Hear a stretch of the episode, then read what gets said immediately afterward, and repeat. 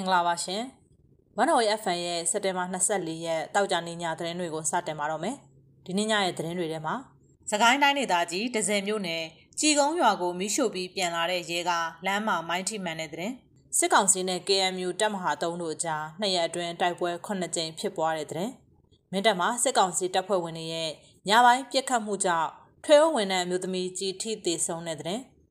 အမေရိကန်နိုင်ငံသားရေးဝန်ကြီးဌာနအတိုင်ပင်ခံအရာရှိနဲ့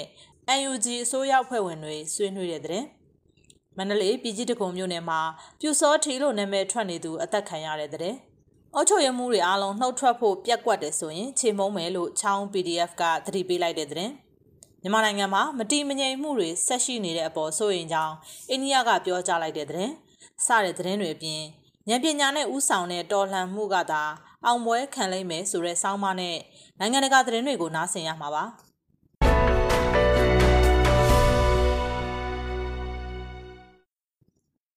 စကိုင်းတိုင်းဒေသကြီးဒဇယ်မြို့နယ်ကြည်ကုန်းရွာကနေတွေကိုမီးရှို့ပြီးထွက်ခွာလာတဲ့ရဲကားတစ်စီးလမ်းမှာမိုင်းထိမှန်ပြီးတော့တပ်သားတချို့ဒဏ်ရာရရှိသွားတယ်လို့ဒေသခံတွေကပြောပါတယ်။ဒီနေ့မနက်ပိုင်းကကြည်ကုန်းရွာဘက်ကနေကန်ထူးမရဲစခန်းကိုသွားတဲ့ရဲကားလမ်းမှာမိုင်းထိမှန်ခဲ့တာပါ။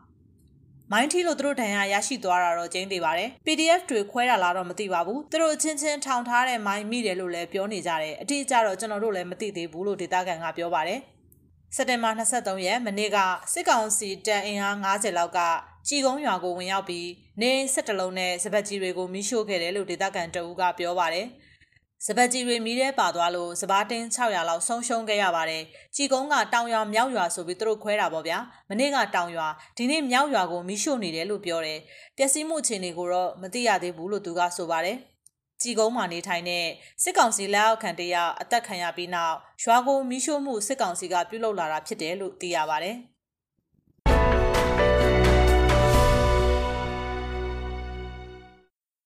အကြမ်းဖက်စစ်ကောင်စီနဲ့ KMU တပ်မဟာ3တို့အကြားနှစ်ရက်အတွင်းတိုက်ပွဲ9ကြိမ်ဖြစ်ပွားခဲ့ပြီးဒေသခံတွေထွက်ပြေးတိမ်းရှောင်နေကြရတယ်လို့ကရင်မျိုးသားစီယုံက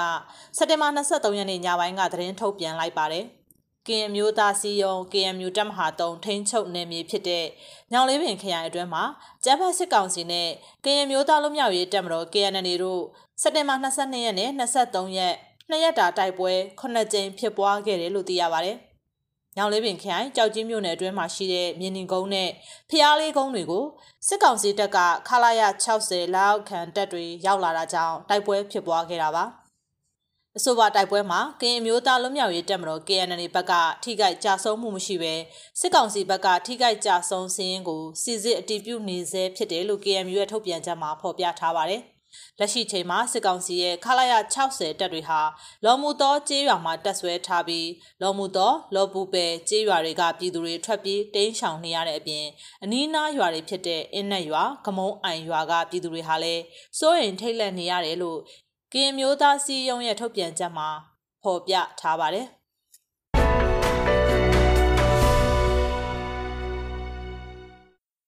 ချင်းပြည်နယ်မင်းတပ်မြို့မှာမနေ့ညဦးပိုင်းကစစ်ကောင်စီတပ်ဖွဲ့ဝင်တွေမြို့အတွင်းကိုတနက်နဲ့ရန်တမ်းပစ်ခတ်ခဲ့တာကြောင့်ထွေးဝန်ထမ်းမျိုးသမီးတူကြီးထိမှန်သေဆုံးသွားခဲ့တယ်လို့သိရပါတယ်။ နှစ်ဖက်ပြစ်တယ်လို့တော့မကြားမိပါဘူး။တနေ့ကတော့နှစ်ဖက်တပ်တွေပြစ်ကြတာမှန်ပါတယ်။မနေ့ကစစ်ကောင်စီကရန်ပြီးတောက်လျှောက်ပြစ်နေတဲ့သဘောပါပဲ။စစ်ကောင်စီတပ်တွေကနာတာလာနှင့်နေဆက်ဒေတာတိုင်းရင်းသားလူမျိုးများဖွံ့ဖြိုးရေးအကြောင်းကျောင်းဝန်းထဲမှာတက်ဆွဲထားပြီးတော့မင်းနှမျိုးရဲ့တောင်ဘက်ပိုင်းတောင်ကျောတလျှောက်ကိုလက်နက်ကြီးလက်နက်ငယ်တွေနဲ့ရန်ပစ်တာပါ။ပြီးတော့ရဲစခန်းအောက်ဖက်ချမ်းမှာရှိတဲ့ထွေအုံရုံးကအမျိုးသမီးတယောက်ကအပေါ့သွားဖို့ထွက်လာတာစစ်ကောင်စီကတနက်နဲ့ပြစ်တာတည်သွားတယ်လို့မင်းတပ်ဒေသခံတဦးကပြောပါတယ်။ စက်တင်ဘာ22ရက်နေ့ညပိုင်းကလည်းစစ်ကောင်စီတပ်တွေရဲ့ပစ်ခတ်မှုကြောင့်ယေစုရွှေနှလုံးတော်အာစီဖျားကြောင်ထိခိုက်ပျက်စီးမှုဖြစ်ခဲ့ပြီးလူနေအများပြားဟာလက်နက်ကြီးကြီးထိမှန်မှုကြောင့်ပျက်စီးခဲ့ရပါတယ်။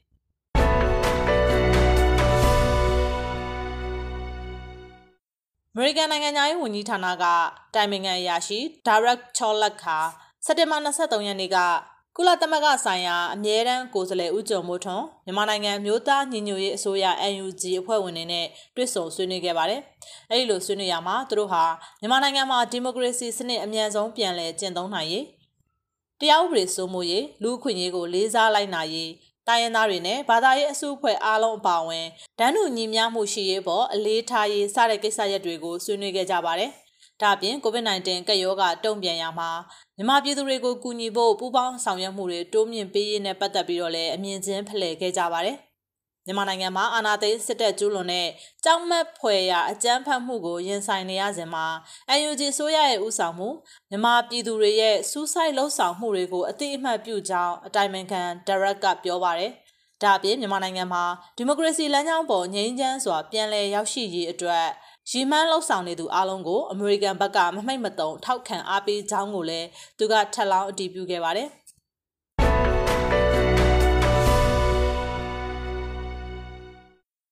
မန္တလေးမှာဖြူစောထီလို့နာမည်ထွက်နေသူတဦးဒီနေ့မနက်ကတနက်နဲ့ပြစ်တက်ခံလိုက်ရပါတယ်။ပြည်ကြီးတကုံမျိုးနဲ့စာလုံးရက်ကွက်56လမ်း125လမ်းနဲ့126လမ်းကြားမှာနေထိုင်တဲ့ဦးသိန်းထွန်းဟာ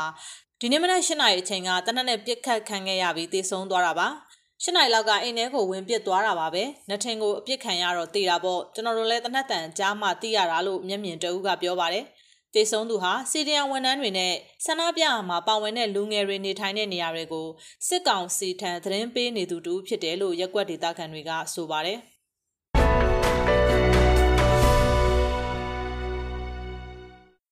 စကိုင်းတိုင်းဒေသကြီးချောင်းမြို့နယ်အတွင်းစစ်ကောင်စီလက်အောက်မှာရှိတဲ့ရက်ကွက်ကျေးရွာအုပ်စုအားလုံးကအုပ်ချုပ်ရေးမှုတွေအားလုံးစက်တင်ဘာ30ရက်နေ့နောက်ဆုံးထားနှုတ်ထွက်ကြဖို့ချောင်းမြို့နယ်ပြည်သူ့ကာကွယ်ရေးတပ်ဖွဲ့ကဒီနေ့မှသတိပေးထုတ်ပြန်လိုက်ပါတယ်။အဆိုပါသတိပေးချက်ကိုမလိုက်နာဘူးဆိုရင်ဘယ်အကြောင်းပြချက်နဲ့မှပြက်ကွက်သည်ဖြစ်စေစစ်ကောင်စီရဲ့ထောက်တိုင်တွေအဖြစ်သတ်မှတ်ပြီးတော့ခြေမုံသွားမယ်လို့ဆိုပါတယ်။စစ်ကောင်စီရဲ့ရန်နေရအတွက် ပြည်သူတွေထံကအခွန်အခကောက်ခံပေးလျက်ရှိနေတဲ့လျှက်စစ်ဌာနစီပင်ဌာနတွေကဝန်ထမ်းတွေကိုလည်းအရင်ကသတိပေးချက်ထုတ်ပြန်ထားပြီးဖြစ်တာကြောင့်လိုက်နာကြဖို့နဲ့အခုထပ်မံပြီးနောက်ဆုံးအကြိမ်အဖြစ်ပြင်းထန်စွာသတိပေးကြောင်းထုတ်ပြန်ချက်မှာဖော်ပြပါတယ်။ စက်တင်ဘာ23ရက်မနေ့ကလည်းချောင်းမြို့ကနေမုံရွာကိုဆင်းလာတဲ့အကြမ်းဖက်စစ်ကောင်စီစစ်ကားနှစ်စီးကိုချောင်း PDF တပ်ဖွဲ့နဲ့မုံရွာတမ်မဏိအဖွဲ့တို့ကပူးပေါင်းပြီးမိုင်းဆွဲတိုက်ခိုက်ခဲ့ရမှာစစ်ကောင်စီတပ်သား6ဦးထပ်မံတေဆုံးခဲ့ပါတယ်။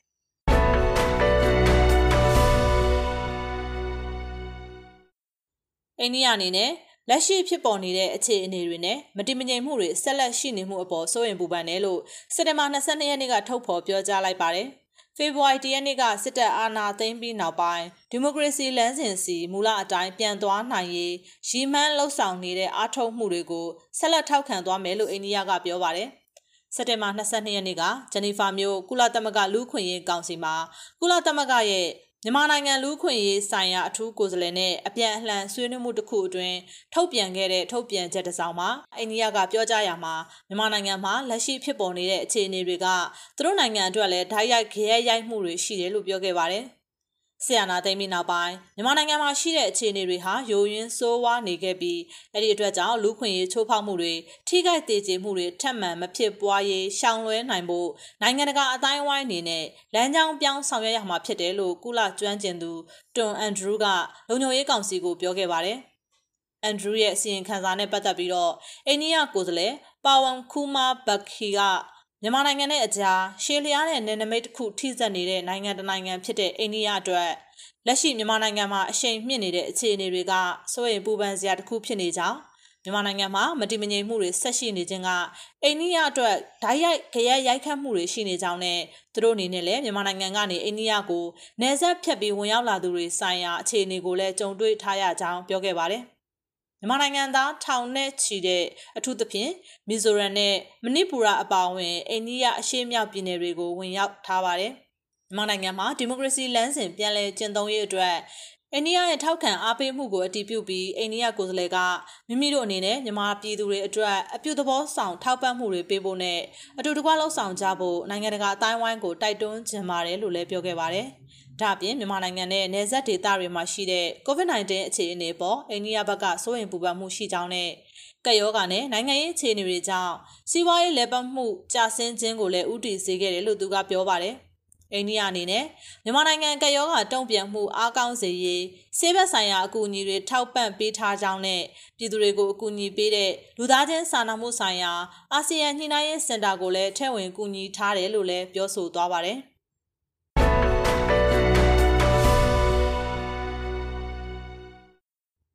ဉာဏ်ပညာဥဆောင်တဲ့တော်လှန်မှုကသာအောင်ပွဲခံလိမ့်မယ်ဆိုတဲ့ဆောင်းပါးကိုနားဆင်ပါရှင်။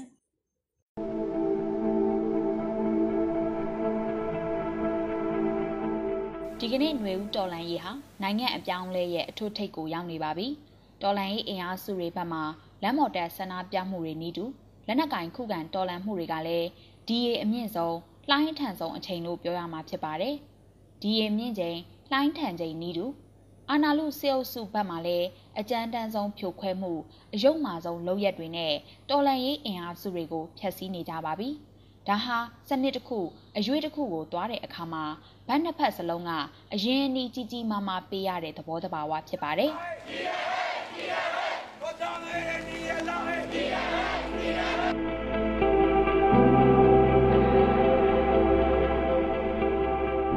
မြန်မာနိုင်ငံရဲ့နိုင်ငံရေးဖြစ်စဉ်ကိုကြည့်ရင် blame game ဆိုတဲ့အပြစ်ဖို့တဲ့ချင်းကပ်နီးဟာအားအကောင်းဆုံးဖြစ်ခဲ့ပါတယ်။လက်ရှိမှာလည်းဒီချင်းကပ်နီးကအားအကောင်းဆုံးဖြစ်နေသေးပါပဲ။ဒါဟာမြန်မာနိုင်ငံရေးနယ်ပယ်မှာပါဝင်ခဲ့သူတွေရဲ့မပြုတ်ပြင်နိုင်ခဲ့တဲ့အများနဲ့လှုပ်တက်တဲ့အလေးအထားအားနည်းခဲ့တာကိုသိသာစေတဲ့အချက်ဖြစ်ပါတယ်။တစ်ဖက်နဲ့တစ်ဖက်ပြစ်တင်ပုံချပြီးနိုင်ငံရေးအရလက်ဦးမှုယူတိုက်ခိုက်ခြင်းအလေးအထားဟာ1948ခုနှစ်လွတ်လပ်ရေးမရခင်ကတည်းကရှိခဲ့တာပါ။ ideology အကွဲအပြဲကိုလိုက်ပြီးကွန်မြူနစ်ကကောင်းတယ် socialist ကကောင်းတယ်ဒီမိုကရေစီကကောင်းတယ်စသဖြင့်တစ်ဖက်နဲ့တစ်ဖက်တိုက်ခိုက်ကြအပြစ်ဖို့ကြနဲ့နောက်ဆုံးတိုင်းပြည်ဟာဒီအကွဲအပြဲကတဆင့်ပြည်တွင်းစစ်ကိုမွေးဖွားပေးခဲ့တာဖြစ်ပါတယ်တစ်ဖက်မှာလည်းမတူကွဲပြားစွာတည်ရှိမှုတွေကိုအခြေခံပြီးအမျိုးသားရေးတစိ့ကက်လို့ဘာလူမျိုးဘဲဘာသာဆိုပြီးတစ်ဖက်နဲ့တစ်ဖက် blame game ချင်းကပ်မှုတွေကိုအောက်ခြေမှာအားကောင်းစေခဲ့ပါတယ်။ ဒီနေရာမှာ as of done ဆိုတဲ့ငါးဘက်မဟုတ်ရင်ဟိုဘက်ကပဲဆိုတဲ့အစွန်းရောက်မှုတွေကိုလည်းတွန်းပို့ခဲ့ပါတယ်။ဒါဟာမြန်မာနိုင်ငံအတွက်ရှီရင်ဆွဲတမိုင်းအမွေဆိုးဖြက်စီးပြရမယ့်နိုင်ငံရေးတလိဆိုးပဲဖြစ်ပါတယ်။ဒီနေရာမှာနောက်တစ်ခုကတော့အပြစ်ဖို့ချင်းကပ်နည်းနဲ့လှုပ်ဆောင်တဲ့နေရာမှာ ideology နဲ့နီးနာတွေအပေါ်မှာရင် အပြစ်ဖို့တာတယ်မဟုတ်ပဲပုံကိုရေးအရာပါတိုက်ခိုက်မှုပါ။ လောက်ရက်နဲ့ခံယူချက်ကိုတိုက်ခိုက်တာထက်လူတဦးချင်းရဲ့အားနည်းချက်အားသာချက်တွေကိုပါအချက်လက်တစ်ခုကိုသုံးပြီးတိုက်ခိုက်မှုပါ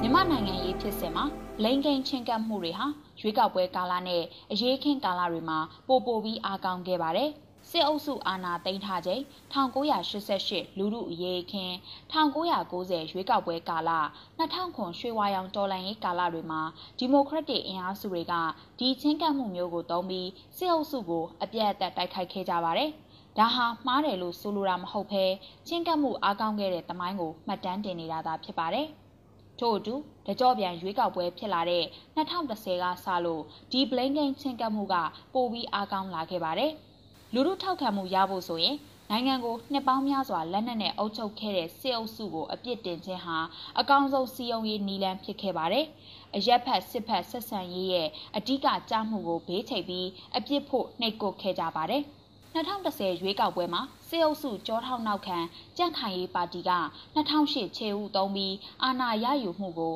ဒီမိုကရေစီလိုလားသူတွေကပြစ်တင်ဝေဖန်ခဲ့ကြပါတယ်။ ဒါဟာနိုင်ငံရေးအာဏာနယ်ပယ်မှာစစ်အုပ်စုပါဝင်မှုကိုပိုပြီးအားကောင်းစေတယ်လို့ထောက်ပြခဲ့ကြတာပါ။ဒါဟာအမှန်တရားပဲဆိုပေမဲ့ပျော်ပြောင်းတဲ့နည်းနဲ့မဖြေရှင်းပဲပြစ်တင်ဝေဖန်မှုတွေနဲ့ချင်းကပ်ခဲ့ကြပါတယ်။ဒီထဲမှာမျိုးသားဒီမိုကရေစီအဖွဲ့ချုပ် NLD ပါတီကိုယ်တိုင်ပါဝင်ခဲ့ပါတယ်။ဒါပေမဲ့2012ကြားဖြတ်ရွေးကောက်ပွဲမှာအမျိုးသားဒီမိုကရေစီအဖွဲ့ချုပ် NLD ပါတီက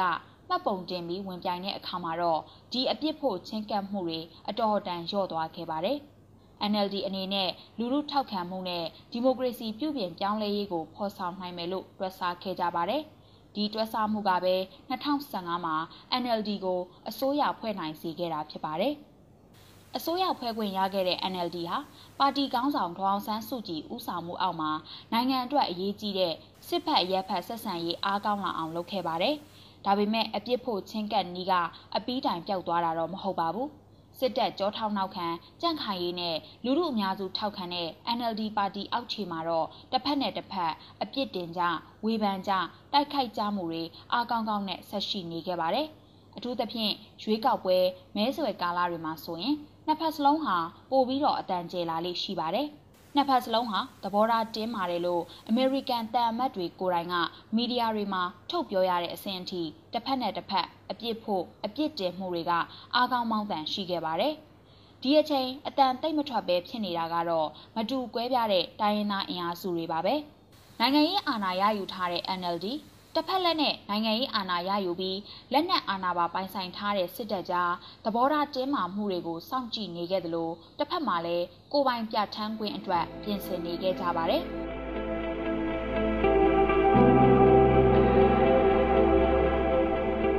နိုင်ငံတစ်ခုမှာနိုင်ငံရေးအရာအကြက်တဲဖြစ်လာပြီဆိုရင်လူမှုတရက်လုံးပါဝင်လာအောင်ဆိုရင်တစ်ဖက်ကိုတစ်ဖက်အပြစ်ဖို့အပြစ်တင်တဲ့နီးဟာအထီးရောက်ဆုံးဖြစ်ပါတယ်။ ဒါဟာစီယုံရေးလှုံ့ဆော်ရေးအားလုံးပါဝင်ရေးအတွက်အထီရောက်ဆုံးနီးလန်းလည်းဖြစ်ပါတယ်။တစ်ဖက်ကအမှားများများလုပ်လေအပြစ်ဖို့လို့ကောင်းလေဖြစ်ပြီးလူတို့ကိုကိုယ့်ဘက်ပါလာအောင်စီယုံနိုင်လေဖြစ်ပါတယ်။ဒါဟာနိုင်ငံအကြက်တဲဖြစ်ချိန်တော်လန်ရေးအထုအထိပ်ရောက်ချိန်မှာပို့ပြီးတော့အတုံးတဲ့တဲ့အတုံးဝင်တဲ့နီးနာတရက်လည်းဖြစ်ပါတယ်။ဒါပေမဲ့ဒီနီးနာဟာမြန်မာနိုင်ငံအတွက်အပြောင်းလဲဖော်ဆောင်ဖို့ကြိုးစားရမှာအလုပ်ဖြစ်ရလားဆိုတာကိုပြန်လည်ချိန်ဆကြဖို့လိုပါတယ်။။ ဘာကြောင့်လဲဆိုရင်ဒီကနေ့ຫນွေဦးတော်လန်ရေးဟာအပြစ်ဖို့ချင်းကပ်မှုနီးနာနဲ့စစ်အုပ်စုကိုအနိုင်တိုက်နိုင်တဲ့အနေအထားမဟုတ်တော့ပါဘူး။နိုင်ငံရေးအရာယဉ်ကျေးသေးတယ်လို့ဆိုရမယ်အပြစ်ဖို့ချင်းကပ်ပြီးဘောင်ကျင်းလာစေမဲ့နီလန်းကိုရွေးချယ်လို့ရတော့တဲ့အနေအထားမဟုတ်တော့ပါဘူး။စစ်အုပ်စုအာဏာလုတဲ့ဖေဖော်ဝါရီတရက်ကလေးက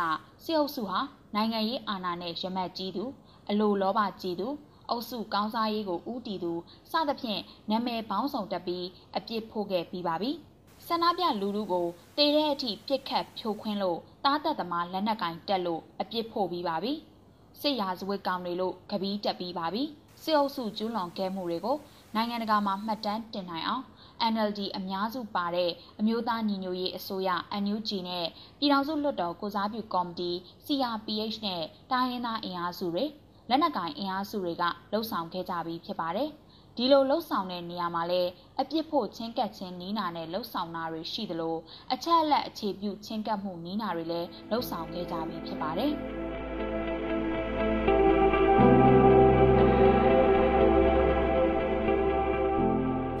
မှာဆိုခဲ့သလိုအပြစ်ဖို့ချင်းကပ်ခြင်းနီးနာဟာလူမှုစီယုံရေးမှာအလုပ်ဖြစ်တဲ့နီးနာတစ်ခုပါ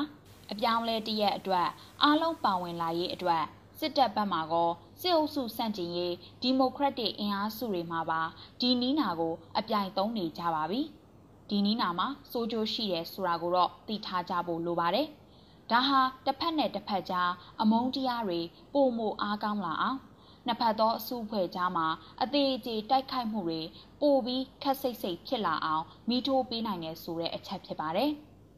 ဒါကိုထိန်းချုပ်နိုင်ဖို့ဆိုရင်တခုတည်းရှိပါတယ်။အဲ့ဒါကတော့ဉာဏ်ပညာကိုအခြေခံတဲ့အမျှော်မြင်ကြီးမှုဖြစ်ပါတယ်။ဒီကနေ့ຫນွေဦးတော်လန်ရေးဟာဘာအတွက်တိုက်နေတယ်လဲဆိုတာကိုကွဲကွဲပြားပြားမြင်ထားကြသိထားကြစော်ဩကြဖို့အရေးကြီးပါတယ်။မတရားအာဏာလူပြီးလက်နက်နဲ့ဖိနှိပ်နေတဲ့စစ်တပ်နဲ့အပေါင်းပါတွေဟာဘာအတွက်ကြောင့်လူမှုဆန္ဒသဘောထားကိုစန့်ကျင်နေတာလဲ။ အရက်ဆက်ဆုံးသောတပ်ဖြတ်မှုတွေလုပ်နေတယ်လဲဆိုတာကိုပုံကိုရေးတိုက်ခိုက်ပြီးအပြစ်ပုံချင်းကပ်ခြင်းမျိုးထက်ဒါဟာအာဏာပြဿနာဖြစ်တယ်ဆိုတာကိုလူမှုကိုရှင်းပြဖို့လိုပါတယ်။စစ်အုပ်စုဇက်သိန်းရေးဆိုတဲ့တိုက်တွန်းမှုဟာစစ်အုပ်စုဗတ်တော်သားမှန်သမျှကိုတပ်ဖြတ်ရေးမဟုတ်ဘဲအာဏာရမက်ကြီးတဲ့နိုင်ငံကိုလက်နက်နဲ့သာအုပ်ချုပ်ခြင်းနဲ့အုပ်စုကောင်းစားရေးကိုသာဦးတည်တဲ့စစ်အုပ်စုထိပ်ပိုင်းခေါင်းဆောင်တွေရဲ့မတရားမှုသူတို့ကိုအသက်သွင်းနေတဲ့ စစ်အာဏာရန်ရာကြီးအပီးတိုင်ရက်ဆိုင်သွားရေးဆိုတဲ့သဘောဖြစ်ကြောင်းကိုလူထုကိုရှင်းပြပြီးစီယုံလှုံ့ဆော်အတိဖွင့်ပေးဖို့လိုပါတယ်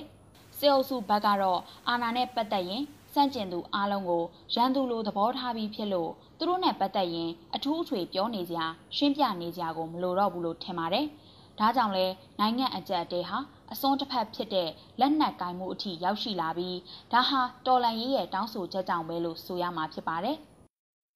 မည်သို့ပင်ဆိုစေဒီကနေ့နိုင်ငံအကြက်တဲဖြစ်မှုຫນွေဦးတော်လှန်ရေးစတင်လာမှုဟာအတိုင်းအတာတစ်ခုထိခရီးရောက်နေပြီဖြစ်ပါတယ်။အလှည့်ပြောင်းများစွာလဲကြုံတွေ့ခဲ့ရပြီးဖြစ်ပါတယ်။အာနာမက်စစ်အုပ်စုနဲ့စစ်အာဏာရန်ရာပြတ်သုံးရေးဘလောက်ရှိနေပြီလဲဆိုတာနိုင်ငံအနာဂတ်တိဆောက်ရေးနဲ့ရောင်းမြန်အချိုးကျနေပြီဖြစ်ပါတယ်။ဒီကာလမှာစစ်အုပ်စုလုံးသမျှကိုအပြစ်ဖို့ပြီးတွန်းလှန်တဲ့နီးနာထက် နိုင်ငံတိဆောက်ရေးကဘလို့ဖြစ်တဲ့နယ်ဆိုတဲ့နီးနာမျိုးကိုခိုင်ခိုင်မာမာတိဆောက်ထားဖို့လိုပါပြီစစ်အာဏာရန်ရာဇသိန်းရေးကိုလူလူကလမ်းပေါ်နိုင်ငံရေးနီးနာနယ်ကောလက်နက်ကင်နီးနာနယ်ကောဆင်နွှဲနေပါပြီဒီလိုလှုပ်ဆောင်တာဟာဘယ်သူဘဝအတွက်ဆိုတာမဟုတ်ဘဲဘယ်အဖွဲ့အစည်းကိုမှကိုစားပြုဖို့အတွက်မဟုတ်ဘဲနိုင်ငံအတွက်အနာဂတ်အတွက်ဆိုတဲ့ဥတီမှုတွေနဲ့လှုပ်ဆောင်နေကြတာဖြစ်ပါတယ်။ ဒီဥတီချက်လာရကိုကောင်းတစ်ထက်ကောင်းအောင်အတွက်ဒီမိုကရက်တစ်နိုင်ငံရေးအင်အားစုတွေဘက်မှပုံမကောင်းမွန်တဲ့ဉာဏ်ပညာကိုအခြေခံတဲ့အမျှော်မြင်ကြီးမှုတွေနဲ့နိုင်ငံရေးလမ်းကြောင်းပြောင်းမသွားအောင်ဝန်ကြရန်ကြပံ့ပိုးကြဖို့လိုပါတယ်။အဲ့ဒီနီတူမြေပြင်မှာစစ်အာဏာရှင်စနစ်ကိုနှီးပေါင်းစုံနဲ့တော်လှန်နေတဲ့နိုင်ငံရေးသမားမဟုတ်တဲ့တော်လှန်တဲ့အင်အားစုတွေဘက်မှလည်း စစ်အုပ်စုကရုပ်မာတာတွေကိုအပြစ်တင်ပြီးဒေါသတကြီးတုံ့ပြန်တာမျိုးထက်နိုင်ငံအတွက်မလိုလားအပ်တဲ့စစ်အာဏာရန်ရာကြီးအပီးတိုင်ခြုံငိမ့်ရေးဆိုတဲ့အချက်ပေါ်အခြေခံပြီးတော်လှန်တွန်းလှန်ကြဖို့တိုက်တွန်းလိုက်ရပါတယ်။အမုန်းတရားတွေပုံကိုရေးတွေကိုအခြေခံတဲ့အပြစ်တင်တဲ့ပုံမျိုးနဲ့တော်လန်ရေးကိုချင်းကပ်လှုပ်ဆောင်ရမယ်ကာလကကျော်လွန်သွားပါပြီဒီကနေ့ຫນွေဦးတော်လန်ရေးဟာ လူပုတ်ကိုကိုရည်ရွယ်တာမျိုးထက်စစ်အာဏာရန်ရာကြီးအပီးတိုင်ပြတ်သုံးရေးကိုသာထိုးနှက်တဲ့ရိုက်ချိုးတဲ့ခြေဖြတ်တဲ့တော်လန်ရေးဆိုတဲ့အသည့်နဲ့ဉာဏ်ပညာကိုအခြေခံတဲ့အမျော်မြင်ကြီးမှုတွေနဲ့ဆက်ပြီးဆင်နွှဲရမှာဖြစ်ပါတယ်တော်လန်သောအင်အားစုတွေဘက်မှစစ်အုပ်စုရဲ့ရုံမာမှုကိုမိမောင်းထိုးပြပြီးနာကြီးမှုကိုအခြေခံတဲ့တော်လှန်မှုထက်ဉာဏ်ပညာရင့်တန်မှုအမျော်မြင်ကြီးမှုတွေကိုအခြေခံတဲ့ စနစ်ကျတဲ့ပြင်ဆင်မှုအားကောင်းတဲ့တော်လှန်ရေးအဖြစ်တည်ဆောက်ဖို့လိုပါတယ်။အမုန်းတရားတွေနဲ့တိဆောက်ထားတဲ့တော်လှန်ရေးထက်ဉာဏ်ပညာဥဆောင်တဲ့တော်လှန်ရေးကသာလျှင်စစ်အာဏာရန်ရာကို အပီးတိုင်ပြတ်သုံးကြည်ပြတ်စေမှာဖြစ်ပါတယ်။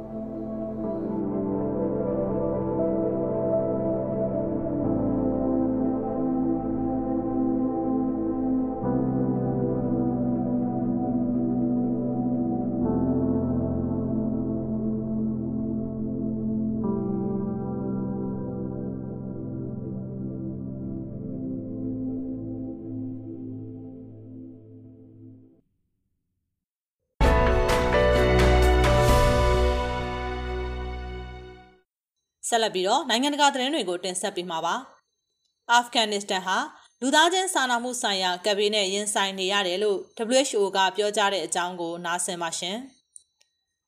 WHO ညွှန်ကြားရေးမှူးချုပ်ဒေါက်တာတက်ဒရိုအက်ဒနွန်ဂက်ဘရီဆူနဲ့လက်ဘနွန်ရှိ WHO ကိုယ်စားလှယ်ဒေါက်တာအိုင်ဗန်ချန်ကီတီတို့ဟာအာဖဂန်နစ္စတန်နဲ့လက်ဘနွန်ကအကြက်တဲတွေနဲ့ပတ်သက်ပြီးအာဖဂန်မှာကျန်းမာရေးလုပ်သားတွေနိုင်ငံကစွန့်ခွာသွားကြတဲ့အတွက် လူသားချင်းစာနာမှုဆိုင်ရာကပ်ဘေးကြီးနဲ့ရင်ဆိုင်နေရသလိုလက်ဘနွန်မှာလည်းနိုင်ငံရေးနဲ့ဗန်ဒါရေးအကျက်တဲတွေပြီးခဲ့တဲ့နှစ်ကဘေရွတ်စိတ်ကမ်းပောက်ကွဲမှုနဲ့ COVID-19 ကပ်ရောဂါရဲ့ဆိုးဝါးတဲ့အကျိုးဆက်တွေကိုခံစားနေရတယ်လို့ပြောဆိုလိုက်ပါတယ်။လွန်ခဲ့တဲ့၄လအတွင်းကလက်ဘနွန်ဟာအဆိုးဝါးဆုံးအခြေအနေတွေကိုရင်ဆိုင်ခဲ့ရပြီးနိုင်ငံခြားအရန်ငွေလျော့နှဲလာခြင်းနဲ့အတူလောက်စားစီဆေးဝါးနဲ့ပေါင်မုံတို့လိုအဓိကသွင်းကုန်တွေပြက်လက်လာသလိုအချိန်ပြည့်နီးပါလျှက်စစ်ဓာတ်အားတွေပြတ်တောက်နေခဲ့ပါတယ်။ အလားတူအာဖဂန်နစ္စတန်မှာလည်းတည်ငြိမ်ရေးလိုအပ်ချက်နဲ့အတူအစ္စလာမစ်အုပ်စုရဲ့လုပ်ရက်တွေအပေါ်သဘောမတွေ့နိုင်ဖြစ်နေတဲ့နိုင်ငံတကာအတိုင်းဝိုင်းအနေနဲ့အာဖဂန်နစ္စတန်ရဲ့အုပ်ချုပ်သူတွေအဖြစ်တာလီဘန်ကိုအသိမဲ့ပြုဖို့အပေါ်ကြီးမားတဲ့အကြက်ရိုက်မှုနဲ့ရင်ဆိုင်နေရပါတယ်။အာဖဂန်နစ္စတန်ပြည်သူတွေကိုကိုကြီးထောက်ပံ့နိုင်ဖို့ဆိုရင်ကျွန်တော်တို့အနေနဲ့တာလီဘန်ခေါင်းဆောင်ပိုင်းနဲ့ဆက်ဆံရေးပြေလည်ဖို့ကအဓိကလို့ယုံကြည်ပါတယ်။လွန်ခဲ့တဲ့အနှစ်20အတွင်းအာဖဂန်မှာမိခင်နဲ့ကလေးသေဆုံးမှုနှုန်းလျှော့ချရေး ပိုလီယိုရောဂါကင်းစင်ရေးနဲ့တခြားကျန်းမာရေးကိစ္စတွေအများကြီးလှုပ်ဆောင်နိုင်ခဲ့ပါတယ်။ဒီရလက်တွေဟာအခုတော့နိုင်ငံကိုကျန်းမာရေးစနစ်ပြိုလဲကာနေအခြေအနေမှာဆုံးရှုံးသွားဖို့အန်ဒီယန်နဲ့ရင်ဆိုင်နေရပါပြီလို့ WHO အကြီးအကဲဒေါက်တာတက်ဒရိုအန်ဒနွန်ဂက်ဘရီဆူကဆိုပါတယ်။အာချင်းအရေးယူဆောင်ရွက်မှုမလုပ်ဘူးဆိုရင်အာဖဂန်နစ္စတန်ဟာလူသားချင်းစာနာမှုဆိုင်ရာကပ်ဘေးဆိုးကြီးနဲ့ရင်ဆိုင်ရလိမ့်မယ်။ကျန်းမာရေးလှုပ်သားတွေစွန့်ခွာသွားတဲ့ အုံနောက်ရိုးစည်းမှုရဲ့အကျိုးဆက်ကိုလာမယ့်နှစ်တွေအတွင်းမှာခံစားရလိမ့်မယ်လို့သူကဆိုပါတယ်။လက်ဘနွန်မှာလည်းစိုးဝါးတဲ့နိုင်ငံရေးနဲ့စီးပွားရေးနှစ်ခုပေါင်းအကျက်တဲတွေရဲ့ပြီးခဲ့တဲ့နှစ်ကဗီရုတ်စိတ်ကမ်းပောက်ကွဲမှုနဲ့ COVID-19 ကပ်ရောဂါတွေရဲ့ကြောင့်ပြည်သူတွေရဲ့ကျန်းမာရေးအပေါ်ဆိုးရွားတဲ့အကျိုးဆက်တွေဖြစ်လာလိမ့်မယ်လို့သူကပြောပါတယ်။လက်ဘနွန်ရဲ့ လက်ရှိရှုပ်ထွေးလာတဲ့အကြက်တဲကကျန်းမာရေးစနစ်ပေါ်မှာကြီးမားတဲ့တိုက်ရောက်မှုရှိနေပါတယ်။ကျန်းမာရေးစောင့်ရှောက်မှုတွေရရှိနိုင်မှုငွေကြေးတန်နိုင်မှုနဲ့လက်လန်းမီမှုတွေကျဆင်းလာတဲ့အပြင်ကျန်းမာရေးစောင့်ရှောက်မှုအည်သွေးကျဆင်းလာမှုက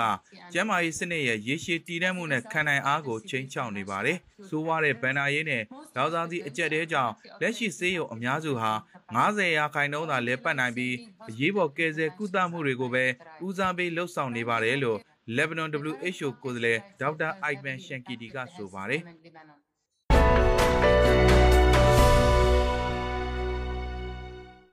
ပစိဖိတ်ကုန်သွယ်ရေးသဘောတူညီချက်မှာထိုင်ဝမ်ပါဝင်မှုကိုတရုတ်ကကန့်ကွက်တဲ့အကြောင်းကိုပြောပြမှာပါ။ဘေကျင်းအနေနဲ့လည်းအဖွဲ့ဝင်ဖြစ်လို့ကြောင်းပြောဆိုခဲ့ပြီးရက်ပိုင်းအတွင်းမှာပဲပစိဖိတ်ဖြတ်ကျော်ကုန်သွယ်မှုသဘောတူညီချက်အတွင်း ထိုင်ဝမ်ပါဝင်မှုကိုကန့်ကွက်ကြောင်းတရုတ်ကစက်တင်ဘာလ23ရက်ကြာသပတေးနေ့ကပြောဆိုလိုက်ပါတယ်။2018ခုနှစ်ကအာရှပစိဖိတ်17နိုင်ငံလက်မှတ်ရေးထိုးခဲ့တဲ့ပစိဖိတ်ဖြတ်ကျော်မိတ်ဖက်များကြားဘတ်စုံတိုးတက်ရေးသဘောတူညီချက် CPTPP ဟာဒေတာတွင်းရဲ့အကြီးဆုံးလွတ်လပ်စွာကုန်သွယ်ရေးသဘောတူညီချက်ဖြစ်ပြီးကမ္ဘာစီးပွားရေးရဲ့73.5ရာခိုင်နှုန်းခန့်ရှိပါတယ်။၎င်းစာချုပ်မှာပါဝင်ဖို့အတွက်ထိုင်ဝမ်ဟာ နှစ်ပေါင်းများစွာစီယုံခဲ့ပြီးကြာသပတေးနေ့မှာတော့တရားဝင်လျှောက်လွှာတင်သွင်းခဲ့ပါတယ်။ထိုင်ဝမ်ကိုကမ္ဘာမှာခြံထားလို့မရဘူး။ဒေတာတွင်းစီးပွားရေးမှာပေါင်းစည်းဖို့လိုတယ်လို့အစိုးရအဖွဲ့ပြောခွင့်ရဖင်ချန်းကသတင်းတောက်တွေကိုပြောကြားခဲ့ပါတယ်။ဒါပေမဲ့ကိုပိုင်အုပ်ချုပ်ခွင့်ရဒီမိုကရက်တစ်ထိုင်ဝမ်ကို၎င်းရဲ့ပိုင်တဲ့အဖြစ်သတ်မှတ်ထားတဲ့တရုတ်ကတိုင်ပေကိုပါဝင်ခွင့်မပြုသင့်ဘူးလို့ညှင်းဆိုခဲ့ပါတယ်။ထိုင်ဝမ်နဲ့တရားဝင်ဆက်ဆံမှုလုပ်တဲ့ဘယ်နိုင်ငံကိုမဆိုတရုတ်ကပြန့်ပြန့်သားသားဆန့်ကျင်ပါတယ်။အလားတူ ဒေတာတွင်တရားဝင်စာချုပ်တွေအဖွဲ့အစည်းတွေမှာထိုင်ဝမ်ပါဝင်ခွင့်ကိုလည်းပြက်ပြက်သားသားဆန့်ကျင်ပါတယ်လို့နိုင်ငံရေးဌာနပြောခွင့်ရချာလီကျန်ကဆိုပါတယ်။တရုတ်ကလည်း CPTPP မှာပါဝင်ခွင့်အတွက်ရှောက်လွှာကိုပြီးခဲ့တဲ့သတင်းပတ်ကတင်သွင်းထားပါတယ်။အစပိုင်းမှာအာရှပစိဖိတ်ဒေသတွင်၎င်းရဲ့ဩဇာလွှမ်းမိုးမှုကိုမြင့်တင်ဖို့နီလန်အဖြစ်ကြီးမားတဲ့ကုန်သွယ်ရေးသဘောတူညီမှုအတွက်အမေရိကန်ကဥဆောင်ဆွေးနွေးခဲ့တာဖြစ်ပြီးဒေသတွင်းမှာကုန်သွယ်ရေးသဘောတူညီချက်တစ်ခု တီးတန့်လှုပ်ဆောင်ပြီးသားဖြစ်တဲ့တရုတ်ကိုထိန်းချုပ်နိုင်ဖို့မူလကရည်မှန်းရေးဆွဲခဲ့တာဖြစ်ပါတယ်။ဒါပေမဲ့ဘတ်စုံသဘောတူညီချက်တွေကိုမှနှင်းမြို့တဲ့အရင်သမ္မတဒေါ်နယ်ထရန့်က2019မှာစာချုပ်ကနေနှုတ်ထွက်ခဲ့ပါတယ်။ CPTPP ဟာအဆိုပါသဘောတူညီချက်တွေကိုစက်ခံခဲ့ပြီးလက်ရှိမှာဩစတြေးလျ၊ဘရူနိုင်း၊ကနေဒါ၊ချီလီ၊ဂျပန်၊မလေးရှား၊မက္ကဆီကို၊ပီရူး၊နယူးဇီလန်၊စင်ကာပူနဲ့ဗီယက်နမ်နိုင်ငံတွေပါဝင်ဖွဲ့စည်းထားပါတယ်။ အဆိုပါသဘောတူညီချက်အတွင်းအသစ်ပါဝင်လိုတဲ့နိုင်ငံဟာအဖွဲ့ဝင်နိုင်ငံအလုံးရဲ့တညီတညွတ်တဲ့ထောက်ခံမှုကိုရရှိရမှာဖြစ်တဲ့အတွက်တရုတ်ရောထိုင်ဝမ်အတွက်ပါစူးစမ်းရုန်းကန်ဖို့လိုအပ်ပါတယ်။တရုတ်အနေနဲ့ထိုင်ဝမ်နဲ့တရုတ်ဝင်အပေးယူရှိတဲ့ဘယ်နိုင်ငံကိုမဆိုဆန့်ကျင်တယ်လို့ထိုင်ဝမ်ကိုလည်းဒေတာရင်းဘလို့စာချုပ်ဘလို့ဖွဲ့စည်းမှာမဆိုပါဝင်ခွင့်ကိုလည်းဆန့်ကျင်ပါတယ်။တရုတ်ရဲ့ရည်တည်ချက်ကရှင်းလင်းပါတယ်လို့နိုင်ငံရေးဌာနပြောခွင့်ရကြားလီကျန်ကဆိုပါတယ်။ကမ္ဘာမှာတရုတ်နိုင်ငံဆိုတာတခုပဲရှိတယ်။ ထိုင်ဝမ်ဆိုတာတရုတ်ရဲ့ခွဲထုတ်လို့မရတဲ့အစိပ်ပိုင်းတစ်ခုပဲ One China policy ဟာနိုင်ငံတကာတိုင်ဝမ်ကြားမှာကြဲကြဲပြန့်ပြန့်နားလည်သိရှိလက်ခံထားကြတဲ့ policy တစ်ခုဖြစ်ပါတယ်လို့သူကဆိုပါတယ်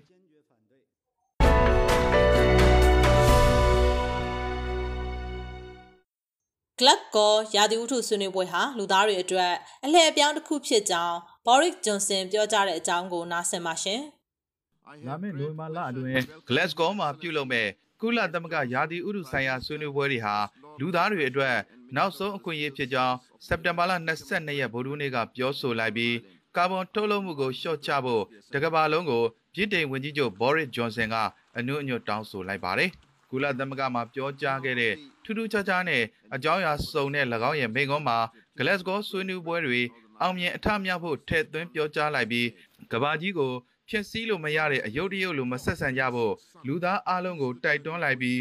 ကမ္ဘာရာသီဥတုဖောက်ပြန်မှုကြောင့်နောက်ကျောင်းပြန်လို့မရတဲ့ပျက်စီးဆုံးရှုံးမှုတွေအတွက်တတိပေးလိုက်ပါတယ်ကျွန်တော်တို့ဟာဒီလှပတဲ့ဂျိုးကဘာကိုလူသူမဲ့တဲ့အဖြစ်မျိုးမရောက်အောင်ကျွန်တော်တို့အတွက်သာမကတခြားမျိုးစိတ်များစွာအတွက်လှုပ်ချဖို့လိုပြီလို့ကုလသမဂ္ဂအထွေထွေညီလာခံမှာ၎င်းကပြောကြားခဲ့ပါတယ်။ဒါကြောင့် Glasgow COP26 ထိပ်သီးအစည်းအဝေးဟာ လူသားတွေအတွက်အလှည့်အပြောင်းတစ်ခုဖြစ်ပါတယ်လို့ကုလသမဂ္ဂရာသီဥတုဆိုင်ရာအဖွဲ့များညီလာခံရဲ့တရားဝင်အစည်းအဝေးအမည်ကိုသုံးပြီးသူကပြောဆိုသွားပါတယ်။ဂျွန်ဆင်ဟာအညစ်ညမ်းဆုံးစွမ်းအင်လောက်စားတစ်ခုဖြစ်တဲ့ကြောင်ပြီးသွေးအသုံးပြုမှုကင်းစင်တဲ့2030ခုနှစ်ဖွံ့ဖြိုးပြီးကဘာဖြစ်ရေးရည်မှန်းချက်ကိုထောက်ခံခဲ့ပါတယ်။ဖွံ့ဖြိုးမှုကိုမထိခိုက်စေဘဲအပူစွန့်ထုတ်မှုကိုရှော့ချနိုင်ခဲ့တဲ့ပြည်ထောင်ရဲ့မှတ်တမ်းတွေကိုကိုးကားပြီး Conservative ခေါင်းဆောင်ဂျွန်ဆင်ဟာရာသီဥတုဆိုင်ရာအစီအစဉ်တွေနောက်ကွယ်က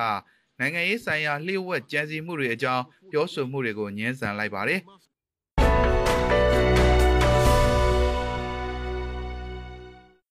ဝန်တော်ရဖန်ရဲ့ဒီနေ့ညသတင်းတွေကတော့ဒီလောက်ပါပဲနားဆင်ကြကြသူတွေအားလုံးကျမ်းမာကြပါစေရှင်။